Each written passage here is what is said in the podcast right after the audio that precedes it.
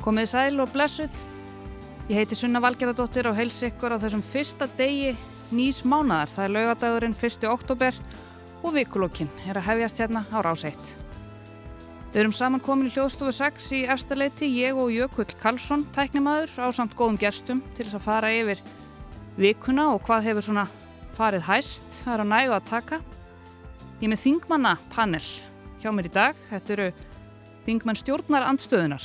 Svo við ættum að geta farið vel yfir það sem betur má fara í samfélaginu. Það eru þau Inga Sæland, formaður flokks fólksins, Þorgerður Katrín Gunnarsdóttir, formaður viðreysnar og Björn Levi Gunnarsson, pírati. Verið velkomin og takk fyrir að koma. Takk fyrir. Takk fyrir. Þingið er byrjað aftur eftir sumarfrí, var gott að koma aftur í vinnuna eftir sumarið. Komið í pásu aftur.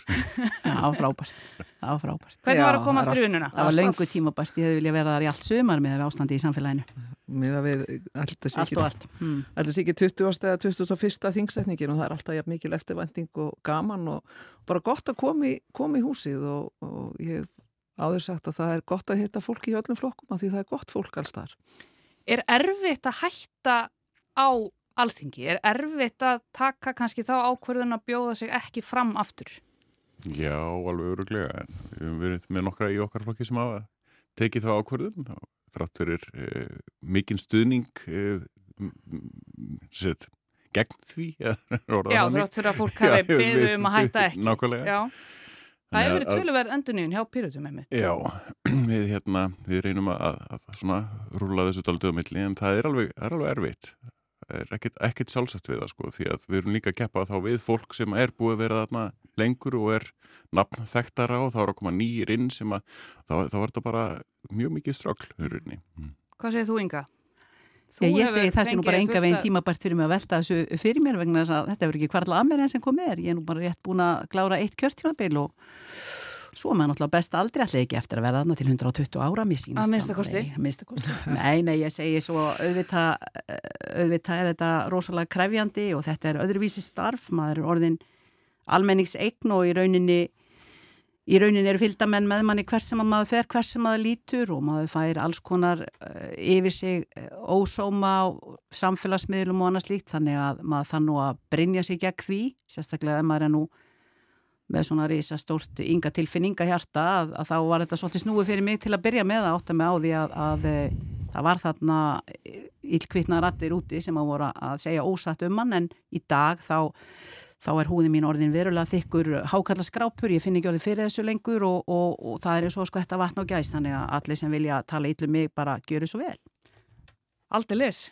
Takk fyrir Skál fína kaffi hérna. Við höldum okkur þá bara aðeins við eh, þinn þykka skráp. Það hefur aldeilis verið hasar í þínum flokki undanfarið og hefur svo sem alveg verið uh, í töluverðan tíma. Það var þarna í klausturmálinu þá voru tveir menn reknir og flokknum, Ólafur Íslefsson og Karl Gauti Hjaldarsson eftir klaustur. Svo núna bara í vikunni voru þrýr menn reknir úr flokknum á Akureyri. Næ, ránt. Þannig okay. er alveg svakalega staðrind að vitla. Kottum með það? Já, mig. þannig, þetta er nú orðið yfirverða, þetta kemur á rúf sko. Það er þannig að eitt þeirra var látin fara, Hjörlefur Hallgríms en hinn er tveir uh, stígu sjálfu til hliðar og greinilega virðast þeir alltaf taka með sér uh, fylgiflokksins á Akureyri í eigin, uh, eigin gethóta og ekki skila því til, til okkar frábæru kjósenda því miður. Þannig að það er búið að vera mikill hasar já. Þetta er einhvern veginn, þetta er nú kannski ekki alveg, alveg svona einfalt inga að þeir hafi bara stíið eða sérst, sagt sig sjálf viljugir úr flokknum. Þeir hafa nú báðir sagt að, að, það ekki, að það hafi ekki verið mjög góður andi og mjög góð samskipti á milli þeirra og stjórnar flokksins í Reykjavík. Þannig að ertu að segja það að þeir hafi bara gert þetta alveg sjálf viljugir Að sjálfsögðu, ekki að sjálfsögðu þeir gerðu það. Við vorum, það hefði engin mist af því ef að stjórnin hefði ákveðið að víkja þeim úr flokknum. mm -hmm. Það hefði engin mist af því en, en uh, hvað lítur að þessum skotu árásum á, á fórustu flokks fólksins? Uh, Skulum kannski ekki segja skota árásum? Já, ég minna þannig að það sé ekki hægt að vinna undir þessari stjórn og þessi stjórn sé nú bara ekki starfinu vaksin, ég veit ekki hvað ég á að kalla það annað. Mm -hmm. Þetta eru bara beinar árásir á fórustu flokksins og uh, við höfum hingað til eh, ekki skipt okkur að frambóðun okkar og, og, og fólkinu okkar og okkar góða, góða fólki á Akureyri fyrir en að var rópað á hjálp. Og ég furða mig á því ef ég sé alveg eins og er hvernig þessir einstaklingar hafa haft slíkan og því líkan aðgang að mikrofóninum og að fjölmiðlu með tilliti til þess að þarna stíga fram þrjár konur þann meiri segja að eh, kalla til bladamannafundar út af vannlíðan og annars líkt og er að reyna að koma frá sér e, í eitt skipti fyrir öllu hvernig þeim hefur liðið í samskipti við þessa menn.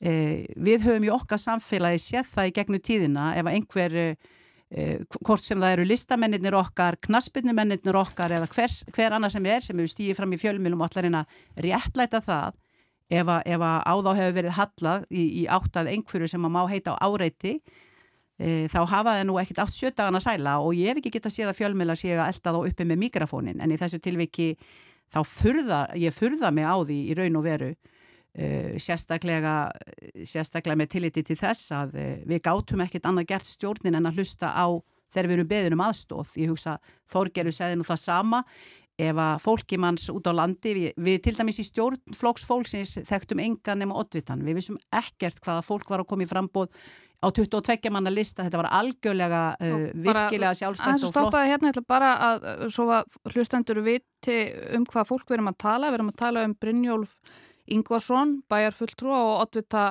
flokks fólksins á Akureyri. Fyrirverandi. Fyrirverandi oddvita sem var ekki rekin, hann hætti sjálfviljur, bara svo það sé ítrekkað hér. Og svo er það Jón Hjaldarsson, hann er varabæjarfulltrúi, uh, hann var í fimm, nei, þriðjasætinu mm. og hann er líka hættur. Þeir, uh, allavega Jón hefur farið fram á afsökunarbeðni uh, frá stjórn flokks fólksins. Er hann að fara að fá hana? Að sjálfsögðu ekki. Við höfum ekkert til þess að byggast afsökunar á. Það kemur ekki til greina. Ég hef bara vísað því til föðurhúsan á. Byrð þessa góðu menna harma það að hafa ekki hlusta á það hvernig samstarfsystum þeirra leiði í samskiptu við þá. Það byrja nú strax eftir kostningar. Þá byrjar þetta ofríki þar sem að án samráðs og samtals við þessar þrjár konur þá fara þeir ágættu menn á fundu uh, oddvita minnihlutans til þess að ráðstafa nefndum og ráðum í Akureyrabæ til næstu fjögur ára. Þær hafði ekki hugmyndu um hvert þar eru skipar, hvar þar eru settar og það gengur nú meira segja það lánt að þeir völdu í fyrsta val uh, uh, skipalagsráð á Akureyri fyrir hönd flokks fólksins, hugsa sér. Við erum yfirlýstur og engöngu aðalega 100% velferðarflokkur. Og að setja okkur sem áhertna fulltrúa í fyrsta val í velferðaráð það nú bara eitt út á fyrir sig alveg nóg fyrir mig til þess að pyrrast pínulítið svo ég, ég segi ekki meira. Nei, sér ekki. Nei, nei, en, en núna ætla þeir að sitja þeir segja það, þeir ætla að sitja áfram sem fastast sem uh, bæjarfulltrúi og, og varabæjarfulltrúi þá væntanlega utan flokka en sem komið er hvernig líst þér að það? Mér finnst þetta bara að lýsa, uh, lýsa þeim Þetta er það bara sama að Ólafur Ísleifsson og Karl Gauti Hjaldarsson gerði á alþingi þegar þeir voru sannarlega reknir úr floknum. Nákvæmlega. Af hverju er alltaf þetta vesen með þess að kalla þessum flokki? Ég veit ekki, við bara veljum ekki rétt að kalla eitthvað, ég veit ekki. Þetta er verið svona óheppin með kallavalið, ha, það er eitthvað svo leiðist. Nei, nei, það er bara, það þarf ekki að henda grína því. Það, það sem að margir koma saman eh, sem kannski ekki þekkjast í grunninn, eh, þá náttúrulega geta alltaf komið upp núningur og, og samstarfs svona örðuleikar og og þá er það í raunni leittóhans í þessu tilviki að, að standa í báða fætur og, og reyna sér allar málinn og gera það bara strax. E, það á aldrei undir, undir fórustu eins eða neins að geta þróast í þessa átt. En e, það gerði það þarna því miður og ég vil segja að það sé kannski meira reynsluleysi, ekkert að þessu góða fólki okkar hefur uh, pólitíska reynslu að neinu, neinu gagni. Þannig að og við stigum ekki inn strax, við vorum reynda stjórnin búin að fara, ég á samt aðstofamanni og fleiri úr stjórnflóksfólksins búin að fara að minnstakosti fjórarferði síðan fyrir kostningar til að reyna að læja öldur og miðla málum og aðstofa þau í þessari kostningabartu og svo eftir á e, í, í, í svona uppi svona óróleika sem var, var þar á ferðinu þannig að við höfum alltaf sínt einbetta vilja til þess að lutinni gengur vel en það var þá er okkar draumur mm. að mhm. sjálfsögðu en en að virða ekki líðræðislega vilja kjósenda á Akureyri, ég, mér finnst það með reynum ólíkindum, það var ju flokku fólksinn sem bauð þarna fram, þetta er okkar umboð sem að þeir eru að fara að sitja í, við, við, við sáum um allan kostnað og allan undibúning og, og af þessu frambóði þannig að ég, ég skora bara á þessa menn enn og aftur að, að stíga til hliðar og gefa okkur kosta á að vinna vinnun okkar fyrir, fyrir kjósendur á Akureyri. Mm. Björn Levi, ég er aðeins fórutin, mér langar að heyra aðeins frá þér. Hvað skoðun hefur þú á því þegar að svona gerist, uh, þegar að fólk segir sig úr flokkum eða jafnvel uh, skiptir um flokk, það er, það er kosið hvort sem það er á alþingi eða í, í sveitastjórn fyrir einhvern ákveðin flokk, svo skiptir það um flokk eða segir sig úr flokki og sittur annarkvort í öðrum flokki eða utan flokka uh, í bóði, eða sérst, í, í bóði halmennings í rauninni sem að kaus viðkomandi í, á öðrum fórsendum. Hvað finnst þér um það? Núna fenguð þið til dæmis liðsmann úr Vafge, Anders Inga, sem var í Vafge og núna komið til Pírata. Hva, hvað finnst þér svona almennt um þetta? Já, þetta er mjög áhugavert uh, svona viðfangsefni. Þarna eru við, sko við erum með leinilegar atkvæðagreislur og við erum þrátt fyrir að við setjum kross við flokk að þá erum við eiginlega að kjósa einstaklinga. Mm bara kostningakerfið okkar virkardaldið svona öfugsnúið hvað það varðar. Okkar tilfinning er að við séum að kjósa flokk, e, bara atkvæðið setlinu hanna er þannig, en í raun og veru erum við að kjósa einstakling. Þegar við setjum X við P, að þá erum við að setja 1, 2, 3, 4, 5, 6, 7, þú veist, við hvert nafn á þeim lista í þeirri röð. Þannig að hver og einn þingmaður eða sveitarstjórnumfulltrú er að fá umboð kjósenda í kjördæminu eða sveitarstjórn eh, sveitafélaginu til þess að setja sem kjörin fulltrúi. Og það væri líka pínalegt auðvitsnúið ef að, ef að flokkurinn væri með það vald að henda fulltrúum fram og tilbaka eftir eigin hendisimi. Segjum sem svo að, að fólk sem er neðar á lista myndi bara taka sér saman og henda burt oddudarum að því að þau bara, við erum fleiri, burt með þig og við erum náttúrulega við að vera oddudar og þetta er eitthvað sem að sko við pýritar höfum svona reyndan álgast áður að við förum í, í, sagt, uh, í kostningar bara innan húsi og okkur sko hérna í prófkjör að þá hef ég gefið út á yfirlýsingu að ef ég hætti í pýritum þá hætti ég líka á þingi. En það er ekkert, það er ekkert sjálfkrafa það er, er ákvarðun sem ég þarf að taka er svona það, allavega það heiðarlega í stöðinni Já, það, það er umbúðið sem ég leita til gagmart pýritum og þá líka er ég að segja sagt, bara almennum kjósundu það þegar þau kjósið pírata þá eru þau, líka, þá eru þau að kjósa pírata fremur heldur en mig og þá hugmyndafræði sem það liggur á bakvið.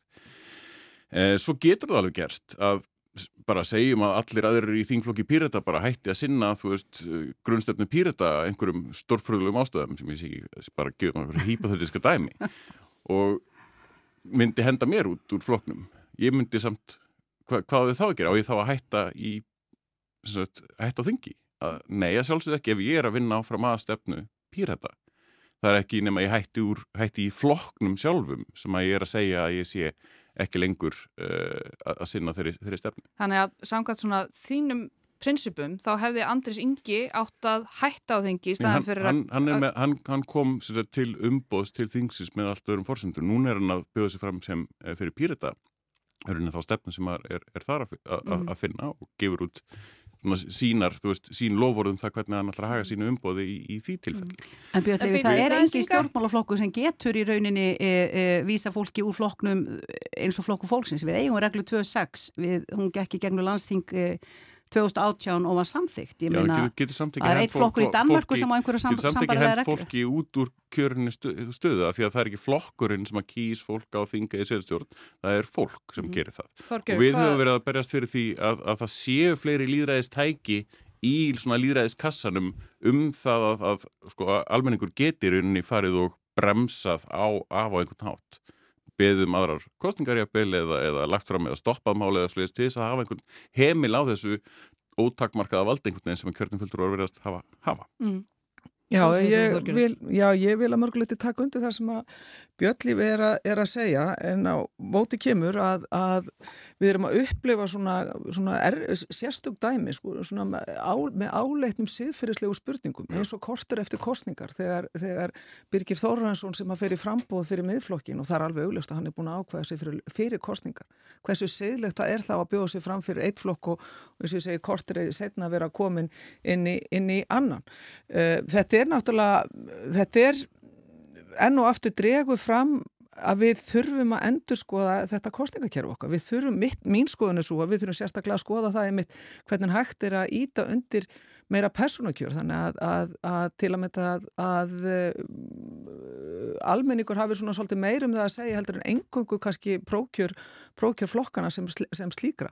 En ég vil bara í þessu tilefni og, og svona í þessum tengslum náttúrulega draga fram að það eru ennstæri mál sem að þarnast breytingar uh, varðandi kostningakerfi, varðandi vægi atkvæða uh, almennings og kjósenda. Og þá vil ég náttúrulega sérstaklega benda á frumvarp okkar um það að jafna vægi atkvæða á milli kjördama, milli einstaklinga og náttúrulega milli flokka. Og þess vegna er ég mjög stolt af því máli sem að við í viðreysn ásand uh, samfélkingu pírata og, og þingmanni frá flokki fólksins lögðum, lögðum fram til þess einmitt að, að, að koma á þessu réttlættis máli að, að það er, verði eitt maður eitt, atkvæ, eitt atkvæði. Við gáttum ekki gert það gegnum stjórnarskrana, stjórnarflokkandi komið vekk fyrir þá og ynga marð það alveg að þeir stoppuðu alla umræðu um jantvægi atkvæði í stjórnarskrá, það var ekki hægt að fá það fram.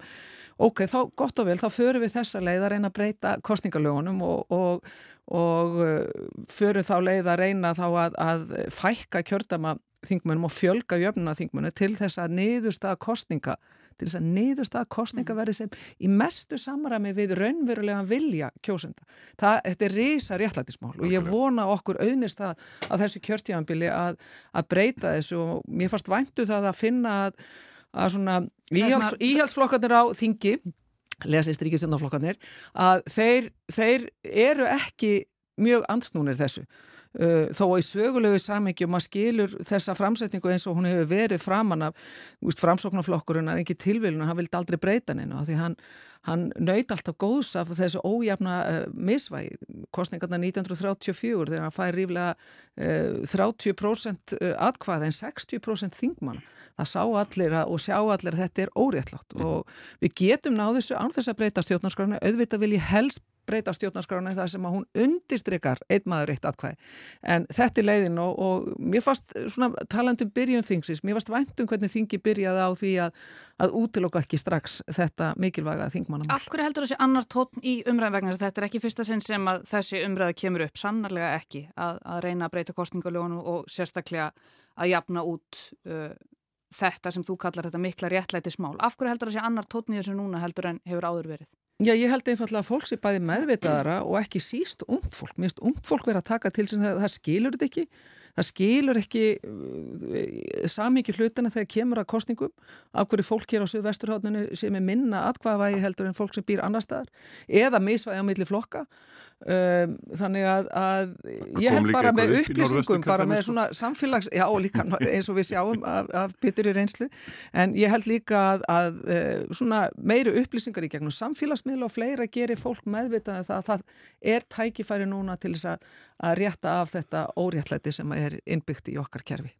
Og þetta er svona nánast þeir politíst uh, frumvarp innan uh, stjórnaranstöðunar, það eru píratar, flokkur fólksins Eh, samfélking viðreist viðreist, þú ert uh, fyrsti, fyrsti flutningsmaður en, en engin miðflokkur. En við erum við hengi við hengi Nei, nei, þetta Við, við, við vorum með tvö frumarpartna í þessu sem við vorum búin að samina sér ég var fyrsti flutningsmaður öðru og, mm. -hmm. og Þorgjörg Katrín á, á hinnu og nú erum við með saminaður rauninni sem að Þorgjörg flytur. En það sem er svo áhugavert er þegar við fáum og það er kannski það sem að gera með að verkum að það er alltaf tilbúin til þess að bjóða sér fram til þingsan í að því að, að daginn sem að er leiðilegt í á, þingi að þá hætti maður og sá dagur er ekki enþá komin en það er svona að upplifa að það sé hægt að fara í djúpa málefnulega umræðu mm -hmm. um réttlætismál eins og þetta og það er það sem að svona ítir svolítið, það er svolítið elsneiti á tankin fyrir, fyrir það sem að framöndan er. Hvernig finnst þið stjórnarandstaðan vera núna? Hvernig finnst þið samskiptin vera enga? Innan, þetta er frábær stjórnarandstaða sko. Þú dánað með hana? Já, mjög. Hvað segir þú, Björn? Já, það er bara mjög þægilegt uh, svona andrúsloft í, í stjórnarnarsteginu núna. Við erum hei, næstum því heilu miðflokki letari. Það mun alltaf miklu. Á síðasta kjörtíðanbili. Sko, bæði á síðasta kjörtíðanbili og þessu kjörtíðanbili. Stjórnarnarstæði velur sér ekki saman. En þetta eru ólíki flokkar. Alveg ekki spurning, við erum, við erum ólík. En það sem okkur er að auðnast er að við erum að samanist í málu þar sem við sjáum að við getum náð, náð saman, Púst, þetta um jafna atkvæðavæðið er, er, er gott dæmi og það er ímist mál sem, a, sem eru kannski ekki beint á til dæmis starfskrá viðreysnar en við sjáum tækifæri til þess að, að styðja uh, góð málefni annar staðar. En, en auðvitað er það þannig, við, við erum viðreysn leggum meira áherslu á alþjóðsamstarfi, á uh, stöðuleika í efnagasmálum, hófsemi í, í, í útgjaldaaukningu til, til, til að meita ríkisjós mm. og við erum með verulega ráhugjur af, af stöðu ríkisjós, það er verið að íta hallanum á, á ekstri ríkisjós yfir á ábyrð og herða næstu ríkistjónar uh, meðan að, að flokku fólksins er með önnur kjarnamálefni sem að ég virði en þetta er svona, þetta litróf stjórnmálaflokka er svo dásamlegt og, og sumir að segja að það er alltaf margir flokkar og þingi nei að ég held að endur spekli svolítið þörfina hjá almenningi að hafa rattir inn á þingi sem að leggja áherslu á þessi mismunandi mál. Við, okkar mál, kjarnamál eru alveg á hreinu. Það vita allir að við viljum fara í Európusabati, það vita allir að við erum með handónar, að við segjum að við séum með handónýtan gjaldmiðl með að píratar eru með kannski önnu flokku uppi og, og, og ekki síður flokku fólksins. Ég, ég verði aðeins að segja, vil líka aðeins að Rósa Bergþóri í, í, í mjög flokkum, hann er mjög góður þinglósformar og, og það er mjög gaman að vinna með hann. Þeir eru fínir í, að vinna með, það er, það er ekki máli. Það var ákveðin þungi á síðasta kjörtímanbili í þeim flokki, hann er, er miklu léttara yfir. Er þið farin að vennjast hvort öðru eftir kjörtímanbil nummið tvö einhvern veginn? Já, já, þetta er öllum á vennjast, nei. Það, það, er, það, er, það er betri skilningur sko á á, á, á mismunandi áherslu Við langar bara af því að Þorgerur Katarar talar um ríkisfjármálun og annars líkt Flokku fólksins er búin að veifa hérna útfylltri ávísin upp á svona 120 miljardar sem við getum fengið inn í ríkisjóð bara strax í dag. Við höfum alltaf sagt að grunn uh, stefnan okkar er fólki fyrst og svo allt hitt. Við viljum sækja fjármjöruna þar sem að, að þeir eru fyrir og færa á til þeirra sem eiga bátt. Bara með því að taka staðgreyslu við innborgun í lífyrirsjóðina í dag í staðis að vera að taka staðgreyslu skatta þegar þú farið út úr lífyrirsjóðinuðinum gefur ríkisjóði hátt í 70 miljardar króna á ári og ég get bara ekki skilið þann guðla mátt sem heldur aftur af því að þetta sé gert. Það verður að kvarta hér um peningaleysi, peningaskort, það verður að segja sé ekki hægt að koma fátæku fólki í sári fátækt í það að hafa öryggi í fæði klæðu húsnaði en á sama tíma þá er þetta gamla hér með á 700.000 miljardar af, af, af, af fjö Íslendinga og almennings í lífeyri sjóðum uh, án þess í rauninni að þessi greitt staðgreisla aði við innborgun. Við viljum nákvamlega gjör breyta, eh, sko, við, allt í lagi með það að horfa til, til Evrópu, horfa til eins og við nöðslega þurfum að gera, en hamingjan góða. Á meðan við lokum augunum fyrir því að 2000 Íslandinga er að ströggla hér og hókra í sárri fátækt án þess í raun að sé samstaða hjá öllum flokkum um að gjössalega breyta því og sína í raunni lámasvirðingu fyrir fólki okkar og koma því í skjól og gefa því mat á diskin það, það, ég get ekki skilið svoleiðis ríkistjórn ég get ekki skilið svoleiðis alþing Nú ætla ég að fá að stoppa þig aðeins.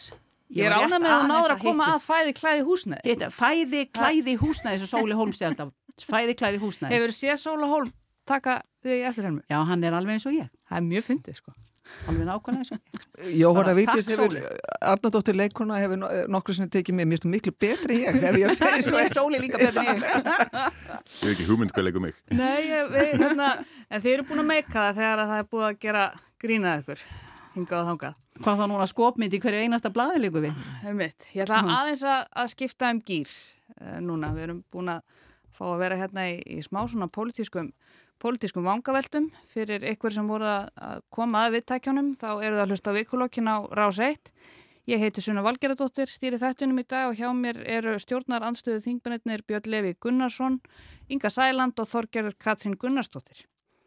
Og nú ætlum við að að skoða laurugluna það bárust hérna fyrir tæpum tveimur vikum, einni og hálfur viku óhugnarlegar og fyrðulegar fréttir þar sem að fjóri menn voru handteknir. Tveimur var sleft, tveir voru úrskurðaður í gæsluvarhald vegna grunnsum skipulagningu hriðverka um, það búið að halda tvo bladamannafundi, setni bladamannafundurinn var haldinn í, í fyrradag. Það búið að framlengja gæsluvarhald yfir öðrum manninum. Um, þannig að þetta er tveggja vegna gæsluvarhald á, á tvo unga Íslandinga Íslandingar á, á þrítugsaldri. Um, það sem kannski stóra, svona kannski stóra fréttin innan gæsalappa sem að koma fram þarna á, á þessum síðasta bladamannafundi uh, þetta er að þetta málvist er að leiða af sér alls konar alls konar hliðarverkanir sem enginn sá fyrir. Sigriður Björg Guðjónsdóttir, ríkislauglustjóri, hún, hún þurfti að segja sig frá rannsók málsins vegna þess að pappennar, uh, vopna safnarinn og, og salin Guðjón Valdimarsson var alltaf í norðin hluti af rannsókninni og það var, var gerð húsleitt heima hjá pappa ríkislauglustjóra í tengslum við uh, svona fyrsta stóra hriðiverkamáli á, á Íslandi eða það sem að grunur leikur á að, að menn hafi verið að, að skipilegja hriðiverk. Hvað, ég langar bara svona aðeins að, að velta þessu upp. Björn Levi, hvað sínir þetta okkur annað en bara við búum á litla Íslandi? Við búum á litla Íslandi? Já. hérna, sko, ég þetta er Ég veit, þú hefur ímislegt, hef... hérna við förum alveg út í, út í vopnabur lögreglu og, og frumvarp dómsmálar á þannig að maður bara svona aðeins að adressa Já, sko, til að byrja með að, að þetta eru þrývitabrendið vopn, þá hef ég miklu, miklu minni áhyggjur af þessu heldur en að ef þetta væru alveg vopn sem er fullt, fullt, fullt af á Íslandi Þannig að, sko, það stærstu hluti vopnuna sem að lauruglan laði halda voru ekki þrývítaprenta. Nei, nei, en, en, hérna, en, en þrývítaprentaði hlutin er bara einhvað svona, já, nei, það er bara, þau eru alltaf hættulega fyrir það sem notaðu, þannig að, þú veist, það er oft búið að vera að blása það alltaf upp einhvern veginn hættu, hættu þeirra sem er ekki alveg tilefnin til. Eh, og svo er líka stort skrif á milli þess að, að sko skipilegja eitthvað og, og í raun og veru gera eitthvað. Þannig að sko ég veit ekki alveg hvað á að draga svona mörkinum það hversu alvarlegt þetta er. Vissilega mm. þurfum við að taka þessu alvarlega en hvernig er, er viðbröðin sem við erum að fara út í? Er, eru við að fara þá út í vopnakaplaup til þess að verja okkur? Eða eru við að fara að spyrja okkur hvaðan er þetta að koma? Og, og af hverju veist, er, við, er, er þetta byrtast hérna uh, eigum við ekki frekar einmitt að vera að stíga daldið til, tilbaka í því og segja við erum komin á einhvern stað sem við viljum ekki vera á og í staðan fyrir að fara út í meira vopnakaplöp og lengra í þá átt að þá erum við eigum að spyrja okkur hvaðan, hvaðan er, þetta, er þessi árásagirni að koma mm. er, eru við kannski frekar að sjá þetta sem viðbrögð við innmitt uh, ákveðnum yfirgangi hjá yfirvöldum, sem er, fólki sem er með vald, uh, er, er, er að vopnast meira. Uh, er þetta afleiðingar af ákveðinni refsistefnu sem hefur búin að vera í gangi sem að er, það sem hefur verið að refsa veiku fólki? Það sem er einmitt ekki verið að fara vel með fólk sem er hérna, hefur ekki til, hefur ekki fæði klæði húsnaði erum við, erum við þar í tilfinningunni? Er þetta stór hluti uh, af þessari svona reyfingu svona alþjóðlegur reyfingurinn vegna aukinar alþjóðavegingar mm. hvar er orsökin fyrir þessu og getum við kannski komið til móts við hana frekar heldur en að, herðu, við þurfum bara að slá upp hérna gattavískirðingum, ramaskirðingum, hérna skriðdryggum og ég veit ekki hvað, hvað, fara í þá átt. Áhverju áhver eru að fara í þá átt? Áhverju er, eru það fyrstu viðbröðin? Ma, maður skilur það einhverju leið til, sko, ef maður horfið til hræðslu. Hræðsla er rosalega eðlileg viðbröð við svona atbyrðum og hræðsla leiðir oft til þess að, að það er farið í vörn. Og vörn lítur út fyrir að, að sé eitthvað sem að þú vopnvæðist með. Þú veit að, að ebla varnir á þannhátt en sko við erum með svo marg svo mikið af vísbendingum um það að slík svona vopna áhrif slíkt vopna kaplöp það leiðir ekki til betra samfélags mm. bara langt í frá þannig að við þurfum að setja rosalega stór spurningamerki við þetta og ég mitt frumvarp dómsmálar á þeirra er algjörlega skref í ranga átt sem viðbröði þessu. Nú erum við að tala um í rauninni sikkotlutin, uh, þú ert að tala um varandi vopnaveðingu lauruglunar, nú er að fara Já. af stað til raunaverkefni þar sem að lauruglumenn fá að bera rafbissur uh, og þau hafa sagt hjá lauruglunni, Grím Grímsson hefur að minnst okkurstu sagt það í, sagði það á þessum bladamannafundi að það til raunaverkefni er ekki tengt, beint tengt þessu máli. Hvort ég, ég allavega skildi það þannig að það tilvægnaverkefni hefði hvortið er farið á stað að uh, lauruglan fái að bera rafbissur. Mér langar aðeins að, halda mig bara, höldum okkur við þessa rafbissu væðingu lauruglunar, skoðum svo frumvart dómsmálar á þeirra mm -hmm. eftir það. Þorgjörður Katrín, hvaða skoðun hefur þú á rafbissu væðingu lauruglumann?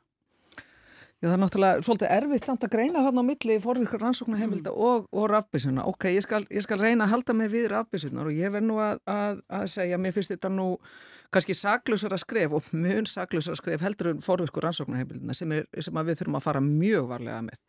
Uh, ég hef ekki þetta Uh, þetta innbyggja óþól eða, eða vantröst á lauruglunum síðan svo miklu heldur myndi ég vilja sjá ekki bara einhverjar aðgerri hjá lauruglunum heldur líka sérstaklega bara fjölgun lauruglumanna það er búið að vera ákalli síðan, síðan 2008 um það að það þurfa að fjölga í lauruglunum marga skýstlur sínt fram á það að þurfa að ebla lauruglununa ekki síst út á, út á landsbyðinni þetta er eitthvað sem við um að taka, taka alvarlega. En ég uh, segja ef þetta er tilhjónaverkefni gott og vel ég ætla ekki að útloka það að, að, að það eigi að stíga þetta skref. En það verður að segjast eins og verður að auðvitað breytir þetta ásýnd lauruglun og við mögum heldur ekki gleyma því að, að í lauruglubínunum er lokað kassi með bissu uh, þannig að ég hefði vilja sjá áður en að þetta tilhjónaskref og ég, ég heyr alveg hvað Grímur segi ég, og ég held þetta sé nákvæmlega rétt þetta er tilhjónaskref hjá þeim Um, en ég hefði vilja sjá þetta sem hluta af einhverju heldar stefnumótum, markmiðum, að því er, þetta er skref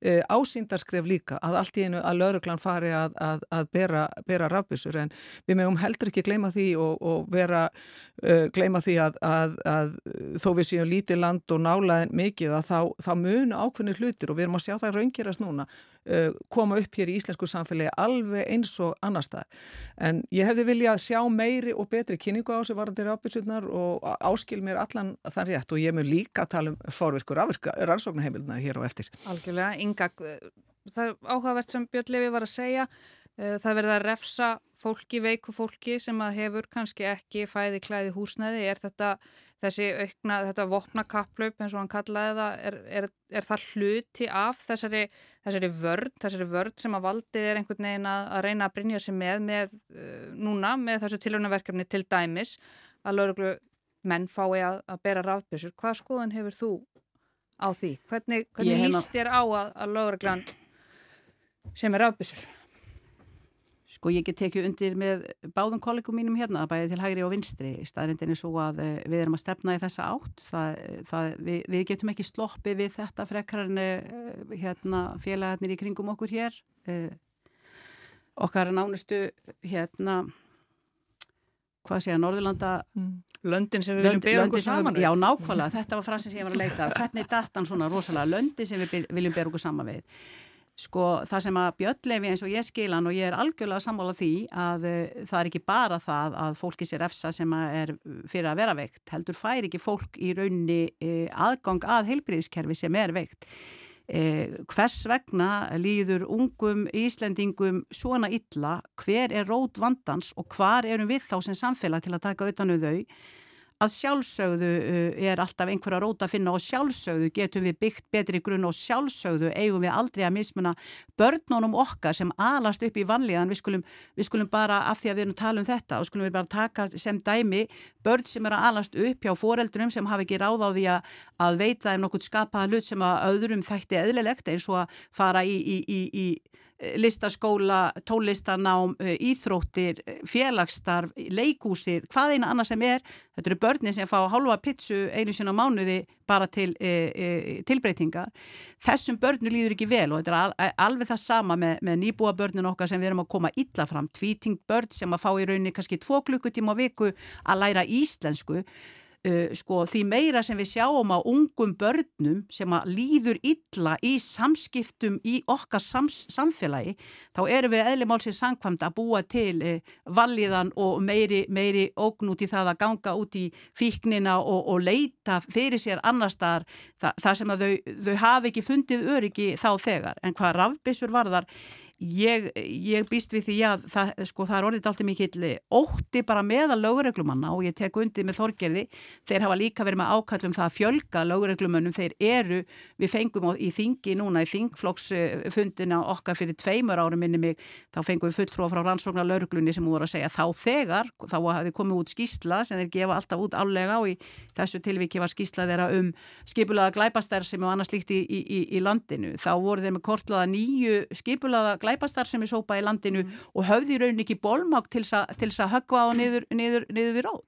Það er ívað upp með rótur réttar sagt. Þannig að ég segi sko ef við ætlum virkilega að, að uh, til dæmis að gera eins og Björnlefi segir að allir eigi bara geta faðmast í, í gleði og, og við þurfum ekki að, að, að hérna, taka upp einhverja rafbissur annars líkt þá eð, eða hitt að við verðum að líta til þess hvernig í rauninni þróun er að verða í löndunum í kringum okkur. Einhverstað verðum við að finna, einhverstað verðum við að finna jafnvægi og ég segi grundvallar atriði er það að lauruglunni líði vel og þeir séu nógu mannaðir ef hún á að geta synd því örgis slutverki sem við krefjumst sem þegnar í þessu samfélagi. Og lög segja til um. Já, já, ég er alveg samanlega því sem að Inga segir hér, við þurfum að veita lauruglunni það svigrun til þess að og þann stuðning til þess að hún geti synd sínu raunverulega, raunverulega hlutverki en það sem á ekki gleyma að því það er alltaf verið að bera okkur sama við Norðurlönd er að eftirlitslutverki með lauruglunni þar er miklu víttakara, miklu dýbra, miklu markvisara að því að það er um leið og við treystum lauruglunni uh, þá og, sko, og ég gerir það alg, algjörlega að þá er laurugla líka að kalla eftir þessu, þessu eftirlýsluturki til þess að vera með aðhaldið á sjálfsögur og mér finnst það uh, það sem að meðalans Björn Levi kom inn á hér áðan varandi það að skoða rætunar á hverju er, er þetta allt saman? Við Þú veist, þetta eru sömu aðlöfna sem segja að það megi ekkert gera við hattusorræðu í samfélaginu sem seg, kalla núna eftir miklu forvirkum rannsóknarheimildum. Þetta fer ekki saman mm -hmm. og mér finnst við þurfa bæði að taka hattusorræðu en líka segir þetta auðvitað mörguleiti þessa forvirkur rannsóknarheimildir að því ég vil tala um þær núna, mm -hmm. ég ætla ekki að tala um rafbissunar svolítið um forgarsröðuna hjá ríkisjóðinu. Hún er að leggja ofur áhersla fórukur ansóknarheimildirnar án þess að vera með raunverulegt eftirlit en á sama tíma þá vil hún ekki, talandu það að ráðast að, að rótum vandans, vil hún ekki e, fullt klára lauginum til dæmis e, sálfræðþjónustu um það einmitt að byggja undir aðgang almennings, ekki síst þeirra sem að hafa minna á milli handana ungsfólks og fleiri til þess að, að ná sér í, í, í sálfræðþjónustu. Ég held að það myndi vera mjög hjálplegt og það er svona grundvallar prinsipmál fyrir okkur í samfélaginu að halda þeirri þjónustu opini og gangandi ekki síst fyrir fólk sem þarf á þeirri þjónustu að halda. Ég held að það væri miklu hjálplegra fyrir okkur sem samfélag heldur en að fara með einhverju massíum hætt, hætti í forvirkar rannsóknarheimildir verandi ekki með betri eftirlit heldur en, en raunberðinni. Ég tekið eftir því að orðræðan úr dómsmálaráðunitinu er núna ekki forvirka rannsóknarheimildir heldur afbrótavarnir mm -hmm. að þetta sé frumvarp um afbrótavarnir það er eins og þessu að reyna að breyta að séu að einhvern veginn svona mýkja þetta aðeins til í þessu frumvarpi Björnlefi ég er forvitin að, að heyra hvað þér finnst um þetta þessar áætlanir uh, ráðherra um Já. að Já. auka í rauninni valdlauröglunar svo um munar Sko til að byrja með þá getur við ekki slitið þessi tvö máli sundur, núna aukna á opnaböru lauraglu og þess að fara okkur ansóknarheimildir mm. því að hvort tveggja er í þessu frumvarpið ráð þeirra. Það er líka uh, sagt, bætt við uh, varðandi vopnaböru lauraglu, þar að segja að lauruglustjórar getur gefið fyrirmælum að lauraglumenn skulu vopnast. Þetta er ein af greinunum í þessu frumvarpið sem er líka með forverkur ansóknarheimildinar. Þannig að við erum ekki að slíta þetta sundur, þetta er hluti af þessari stærri mynd og þegar að sko, við í lögjáfanum við þurfum að taka alltaf okkar ábyrð á þessu líka því að við setjum lögin um það hvað er ólöglegt að gera. Og það sem er ólöglegt að gera er það sem við erum að segja lögreglunni á að sinna. Og, og refsa fyrir og, og, og domskerfunu að, að, að klára og þess aftar og kannski eigum við bara að spyrja okkur erum við að, þú veist beita réttu tækjunum, erum, erum við að beina lögreglunni réttar áttir? Mm.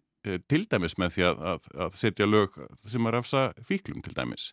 Það, það er bara eina af þeim spurningum. Eigum við að haga lögunum þannig að lögreglan fari átt að veiku fólki og, og handaki það og fari með það eins og það hefur gert.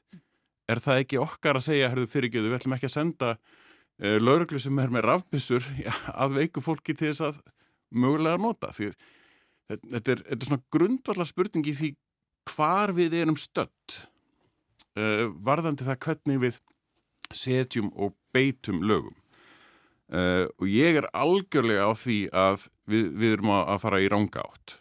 Uh, það er líka sagt, til þess að runni auka öryggi lögreglu að kannski vera ekki að glýma við skipulaða glæpastarfsemi, kannski nú bara glýma við skipulaða starfsemi ef að værum til dæmis með uh, lögleðingu þess vegna vímuöfna eða, eða ímislegt á það. Klám er líka til dæmis bannað og lögreglun gæti hvena sem er dottið hug og farið og, og bara nýtt vald sitt vegna þeirrar ólöglugu starfsemi og, já, og beitt valdi einmitt. En er það eitthvað sem að er löstn við málun? Það er að segja, það er vandamál vegna vímuöfna. Við skulum ekkert neyta því, því maður löst En hvernig er það vandamál betra þegar við gerum það ólöglegt, mm. segum lögregluna á þessa, þetta fólk sem að býr til einfallega, það býr til skipur að það glæpastarsemi.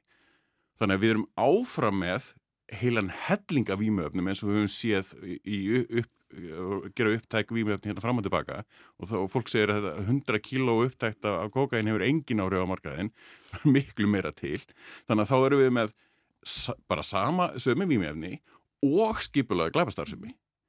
Hvort er betra? Fullt af výmjöfnum eða fullt af výmjöfnum og skipulaði glæpastarfsemi? Það bara, veist, það er þessi valmöðuleiki. Er, getum við farið að horta á výmjöfnavandana á einhvern annan hátt en að segja lögurlun á þetta? Og, veist, við, við búum til skipulaði Pón, þú veist, hérna, nabtóast í glæpamaður heims, hérna, hann var glæpamaður af því að hann var að selja áfengi. Hann var í nýskupuna frömuðu í dag þú veist Það, við, við þurfum að hugsa hlutunum alltaf öðru sí. Kanski ekki að vopnavæða lögregluna gegn Algapón heldur að, þú veist, herðu, við setjum þetta í, í búðir og, og regluvæðum þetta og tökum skatta af þessu. Mm -hmm. Hvað segir þú, Þorgjörður Katrín, af hverju gengur þinginu og af hverju gengur ríkistjórnini ekki og heilbriðisráþörunum ekki að skamta? Ég held að þetta sé nú bara enn eitt eh, gott dæmi um það að ríkisjónin, það er óeining innan hennar raða. Ég held að sé einfallega að þetta er eitt af þessum máli sem er svolítið sópaðendu teppið og fyrir viki fá við þinginu ekki og ég bara vel að merkja ég hef verið á frumvati pírata um afklappa væðingu neyslu skamta þannig að hérna að þetta, þetta er risa mál inn í þessa breytu sem að Björnlefi er, er að tala um og við þurfum að geta farið lengra og mér finnst vond að, að ríkistjóknin trekk í trekk gefur hann okkur svona mm, óljós lofordum að það veri tekið á þessu og þetta fari uh, með einhverjum hætti í gegn. Yfir í það bara að gera akkurat ekki neitt. Og síðan velun og frekar að fara í að fullum kraft í þessa forvirku rannsóknarheimildur. Mér finnst þetta bara raung forgansröðun hjá hjá ríkistjóðinu með fullri virðingu því það er margt, það er alls ekki þannig að það sé allt ómögulegt sem ríkistjóðinu gerir. En hún er bara sendt út raung signal, raung merki þegar við komum að, að, að þessu. Þannig að að eh, já, ég vona að við fáum tækifæri löggjáðin til þess að fara mjög vel yfir þetta og, og, og við séum ekki að upplifa eitthvað, eitthvað frumvar frá ráþeira sem að eh, lýsir einhverju panik viðbröðum í svona tímabundni vonandi bara krísu ástandi, það verður að vera raunveruleika, tengt, eins og ég segi. Við þurfum, við, við erum með, með mikla glæpastað sem er hér alveg eins og það er annar stað, við þurfum að veita lögurglunni tæki til þess En það þarf að gera það með öðrum hætti heldur að ríkisjóðin er að bóða og ég, mér finnst alveg fyrðulegt ef að, ef að vinstri græn að hleypa þessu í gegn með, með þessum hætti eins og ráðara hefur bóða. En það var náttúrulega ráðara vinstri græna Ömundur Jónasson, innaríkisráðara sem hefur líka, sem var innaríkisráðara afsakið mig, ég man ekki alveg, ég held að það hafi verið 2013 þegar að þessi umræða um forverkar ansóknarheimildirnar þegar hún stóð líka, þegar hún var líka mjög hávær Þannig að uh, það er ekki eins og allavega að sá flokkur hafi verið að setja sér mikið upp á móti forurkur ansóknarheimildum lögreglu. Mm. Hefur þú trú á því, hefur þú trú á því ynga að þetta frumvarp um forurkur ansóknarheimildir lögreglu fari svona í gegnum þingið? Heldur þetta verðið samþygt eins og... Nei, ég held að þetta hljótu nú eftir að taka þó nokkuð miklum breytingum í, í meðförnum þingsins. Ég get ekki ímyndið mér annað. Við höfum nú okkar verkfæri líka í stjórnaranstöðinni til þess að þurfum ekki að þóla algjört ofriki e, stjórnarflokkana. Nú ef við þurfum að beita því þannig að bara gerum við það en, en í sambandi við e, það sem ég finnst alvarlegast það er e, þegar að lögreglan er í rauninni innra eftirlit með sjálfu sér það í rauninni gengur bara ekki upp. Það bara er bara algjörlega ská og skjön við allt sem fellur undir bara norm í bara öllum samfélagum, það bara gengur einfallega ekki upp. Mm. en í rauninni við forvar, forvirku aðgerði ég veit ekki betur heldur en að þeir þurfa að fara þeir fái í rauninni allar þær uh, sko allt sem þeir óska til þess að geta fyllt eftir ef að um uh, til dæmis raukstutna grun er á einhverju ólöglegu aðdæfi þá fá þeir þá, það eru dómsúskurður menn eru hleraðar hér hægri vinstri og það er fylst með þeim og, og það er verið að beita fyrir þá alls konar gildurum og ég ekki hvað, hvað bara svo fremi sem að erum raukstutna grun að við komandi sé að, að fremja eitthvað, eitthvað lögbrót. Þannig ég segi lauruglan hefur uh, úrræði og fer í gegnum dómskerju hvað það varðar hugsalega þar kannski, ég, ég að þurfa að lengi eftir því að, að fá svar frá því, þe þeim arminum en ég held ekki, mér, mér hefur nú fundist þetta að vera nokkuð skilvirt eh, og það þarf að stíga afskaplega vallega þarna til jarðar og ég vil bara að lauruglan sé ekki að uh, skoða sjálfa sig. Mm -hmm. Sko, það, það er ekki alveg rétt með þess að lauruglan þarf ekki eins og raukstöldagrun, það er bara grun mm -hmm. og það er til dæmis þess sem við erum að leggja fram frumvarp uh, um lögmætt fyrir, fyrirmæli lauruglu núna þurf að bara borgarar að hlýða fyrirmælum lauruglu. Bara ef að lauruglan segir eitthvað, þá þarf það að hlýða því. Það þarf ekki að vera lögmætt fyrirmælin, það þarf ekki að hafa neina ástæði til að segja neitt, bara þú átt að gera þetta. Ef að löggan segir þér að standa á öðrum fæti, þá þarf það að hlýða því. Raun, raun og veri, og það eru alveg fullt af dómum sem eru sagt, falla á þann hátt að fólki er, er refsað fyrir að hafa ekki hlýtt eh, fyrirmælum lauruglu þrátt fyrir að aðgerðin síðan sem að lauröglunni er í og nokkulega þeim tíma sé eitthvað sem að er síðan ekki sakvælt fyrir. Þannig að það er rosalega mikilvægt einmitt að það sé ekki bara grunur heldur að það eigi að vera raukstild grunur. Mm. En við erum ekki þeim spórum eins og er. Og það er hluti af því að þetta er allt vandamál. Að lauröglun hefur rosalega miklar heimildir til þess að gera hvað sem hún vil án þess að þurfa að bera nokkra ábyrð á því. Við erum með fullt af sko málum þar sem að Lörglun hefur gert mistök, bara eðlilega, eðlilega. Við, fólk gerir mistök að sjálfsögðu, en við höfum að læra af mistökum og við höfum að, að, að koma upp uh, svona aðferðum sem að reyna, reyna þá að koma í veg fyrir endurtekin mistök. Einn af þessum aðlum kom fram í fréttum sem er vegna þess að hriðverkamáls er, hann var reyfin út úr bíl 12 ára fyrir að vera með leikvangabessu og, og handjarnar. Ég meina, hvað er það að gera að, að, að senda núna bara þar síðustu viku, hvað var, það var, var heimilisfæðir sem var, fekk hriðskutabessu í anditi fyrir framann börnin sín ég bara, ég verði orðurlaus af því að við séum þá í alvörunni að fara lengra í þá átt Hver, hvernig getur þetta gerst? Uh, já, ég hef ekki meira, meira af það að segja, hvernig getur þetta gerst? Færum okkur úr eh, umræðum um, um forverkar rannsóknar heimildur lauruglu eða af, afbrotta eða glæpavarnir lauruglu og, rafbissur yfir strætó. Mhm. Notiði strætó? Eh, já, ekki eins oft og ég, eftir að ég fekk hérna svona raflöpahjól, ég er einn á þeim. Einmitt, það, notar þau hjálm á raflöpahjólum? Nei, ég er með svona hirtnutól yfir höstum líka, þannig að... Lögbrott, lögbrott. Nei, það er þannig ekki, það er yngri, það eru grunnskóla krakkar og allir sem þurfa að vera með hjálm, hérna Uh, nei þetta er, er heldur ekki hjól fyrir á hlauparhaða sko, dágóðum hlaup, hlauparhaða maður getur orðað þannig, góður sprettlaupar leipur þetta rætt en jú, jú maður þarf að fara varlega Er ég nótt að fara þjónustu blindra Já.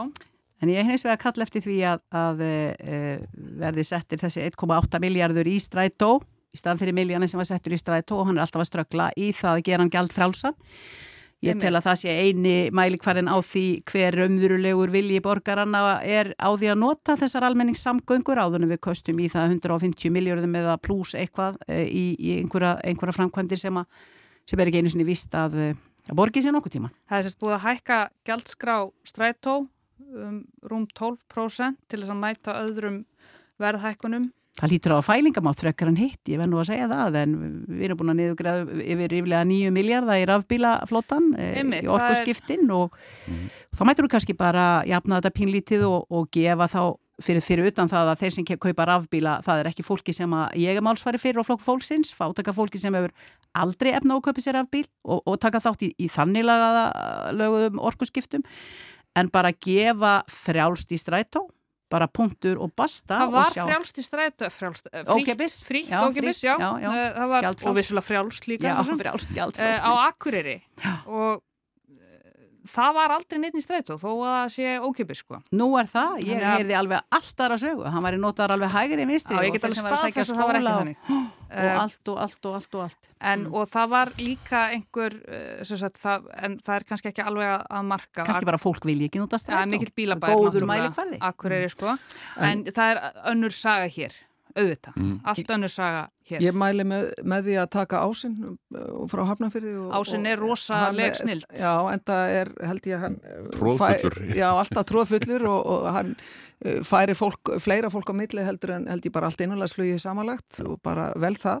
En auðvitað er þessi byrtingamynd á hækkunustrætt og uh, byrtingamyndin á því sem að stend, sko, heimilin í landunni standa framið fyrir og fyrirtæki. Það eru stanslusar hækkanir á gjöldum og ég held að í fjárlagafrumvarpu ríkisjónarinnar þá er verið að hækka öll gjöld sem þeir komast í, í tæri við og, og hérna erum með, með heimsmetið í, í týrasta bjóra og, og veist, við, þessi ríkisjóðn er að verja það heimsmet bara með miklu meðlegans í, í þessu þessu fjárlagafrumvarpi, það er allstað sem að þau geta búið niður, þá er verið að hækka gjöld nema reyndar á einu stað, þau hækka ekki veiðugjöld það er bara, nei. þú veist, það, og það ekki kemur bankaskatt og ekki Já, og bankaskatt það, það kemur ekki það kemur ekki, ekki til greina að, að þeirra ma- mati. Þannig að það sem að ég sé, ég raunin þegar maður horfir á og hlustur á staðið og ég er algjörlega ósamála yngu varandi borgarlínu því það er það sem hún var að tala um. Ég held að það sé risa framtíðamál fyrir okkur. Einmitt munu skipta sköpum ekki bara í tengslu við loftslagsmál heldur bara almennt hvernig samfélag við erum að þróast út frá skipulagi, út frá, út frá hérna, nær umhverfunu það hvernig við, umhverfi við búum börnunum okkar, skóla umhverfi og allt það. Þú miskildi mig, hérna Þorgjörur, Ok, alveg viljandi, já, viljandi. já, ok, Nei, bara á eftir, en mér- langar, með, sko, að því að við erum að tala, veist, það er fimm mínútur eftir á þættunum og það er risa og máli þið sem eigið við eftir eigum að segja okkur hvað þið ætlaði að gera um helginu Já, sko, það eru er það. málun og það eru efnahagur, efnahagur hvernig hann er, það eru mjög uh, erfið merki núna á lofti, ekki bara erfið kjara samninga framöndan, heldur það hvernig stríðið mér þróast, við erum að sjá mjög sérstaka þróun í, í, í hérna í Bretlandi, þar sem er okkar einna flestu ferðamennir okkar koma þar sérstaklega yfir vetartíman. Það er fullt af merkjum sem að, að að ríkisfjármálunum og þessum halla uh, og útgjálta þenslan er svakaleg, veist, þessi ríkisfjárn byrjar á því að fjölka ráðuneytum og aðstofamennum upp á hundruði miljóna í staði fyrir að, að forgangsraða með öðrum hætti Vakstakostnaður er orðið fjórða, fjórði stærsti útgjaldaliður ríkisjónarinn eða fjárlagana og okkar rík, sem tilheru ríkinu.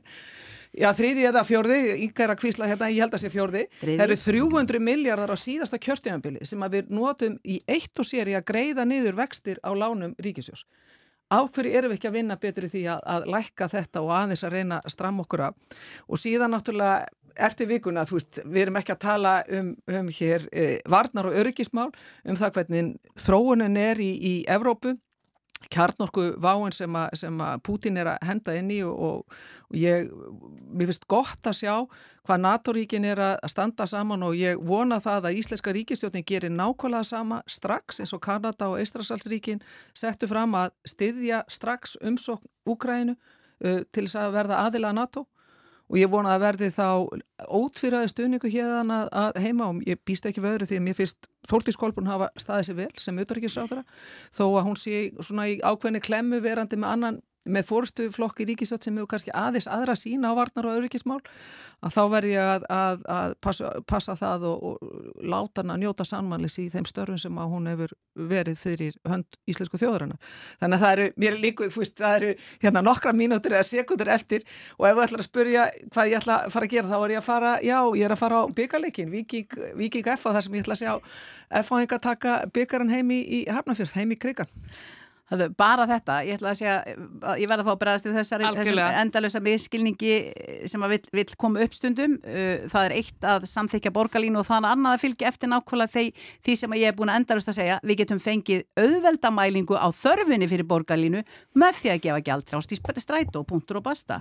Og hvað ég er að fara að gera, ég er að, húsma, að svífa um á Nortnagustinum heima með blúsandi tónlist, sæna íbúðuna grilla læri að því ég er að fá gesti frá útlöndum á morgun sem ætla að fá að gista hjá mér og svona, ég lakka mikið til Hvaða gesti ertu að fá og hvaðan eru þeir að koma? Herðu, þetta var nú full nærgöngult, en jú, það er sko vinkon mín frá Ólasverði, Helena og, og, og, hérna, og hennar indislegi maður sem er skýrstjór á Solberginu, eða stýrimaður þar.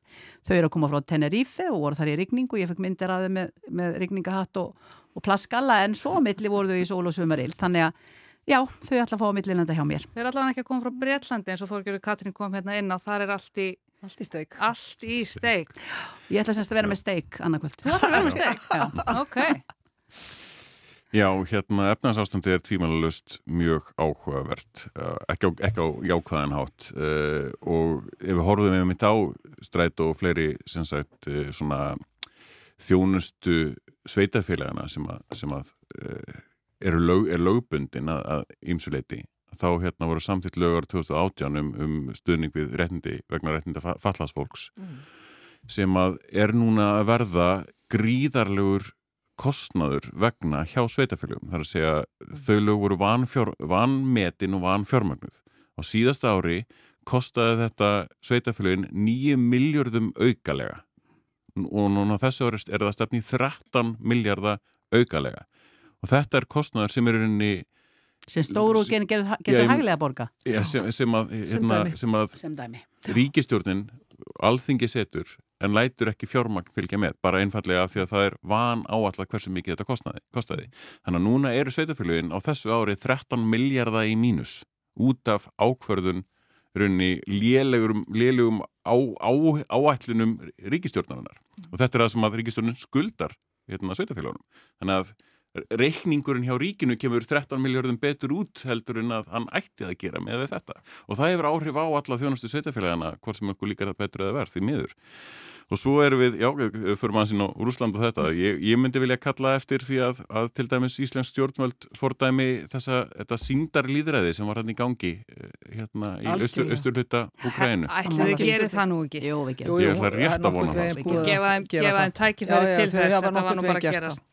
Ég var nú að spáði hvort að við ættum ekki að halda hátíð núna í alþingisalum og innlima til dæmis Danmörk eða Nóri, þetta er bara þetta er bara jafn, jafn gáulegt sem að þarna fer fram sko, þetta er alveg, þetta er bara þetta er sorglegt að þurfa að horfa upp á þetta á 20. annaru, já 20. öldin En eins og bendur nú á Þortís Kolbrún er búin að uh, gefa eitthvað út. Já, já, hún er búin að segja að þau, við munum að sjálfsögð ekki viðkynna þess að dellu yfirlýsingu og yfirgang grúsa og ekki veita en færa á að, að nýta þessa yfirlýsingu í eitt eða neitt og ég held að það sem að þetta gerir er að þjappa núna vesturveldunum og, og líðræðisríkjum enn betur saman og ég held að Putin hafi nú ekki órað þetta þegar hann ákvað 24. februar að fara í innræðsuna í Ukræn. Og við hefum ekki heldur náða að nefna Nord Stream hillingin. En Þakk ykkur fyrir að koma hingað í efstaliti. Þið voru að hlusta á vikulokkin hérna á Rás 1. Ég heiti Sunna Valgeradóttir og gestir mínir. Í dag voru þau Björn Levi Gunnarsson í Pírötum, Inga Sæland í flokki fólksins og þorgjörur Katrín Gunnarsdóttir í Viðreist. Vikulokkin verða hér aftur á lögadaginn næsta og sama tíma. Takk fyrir að leggja við hlustir og verðið sæl.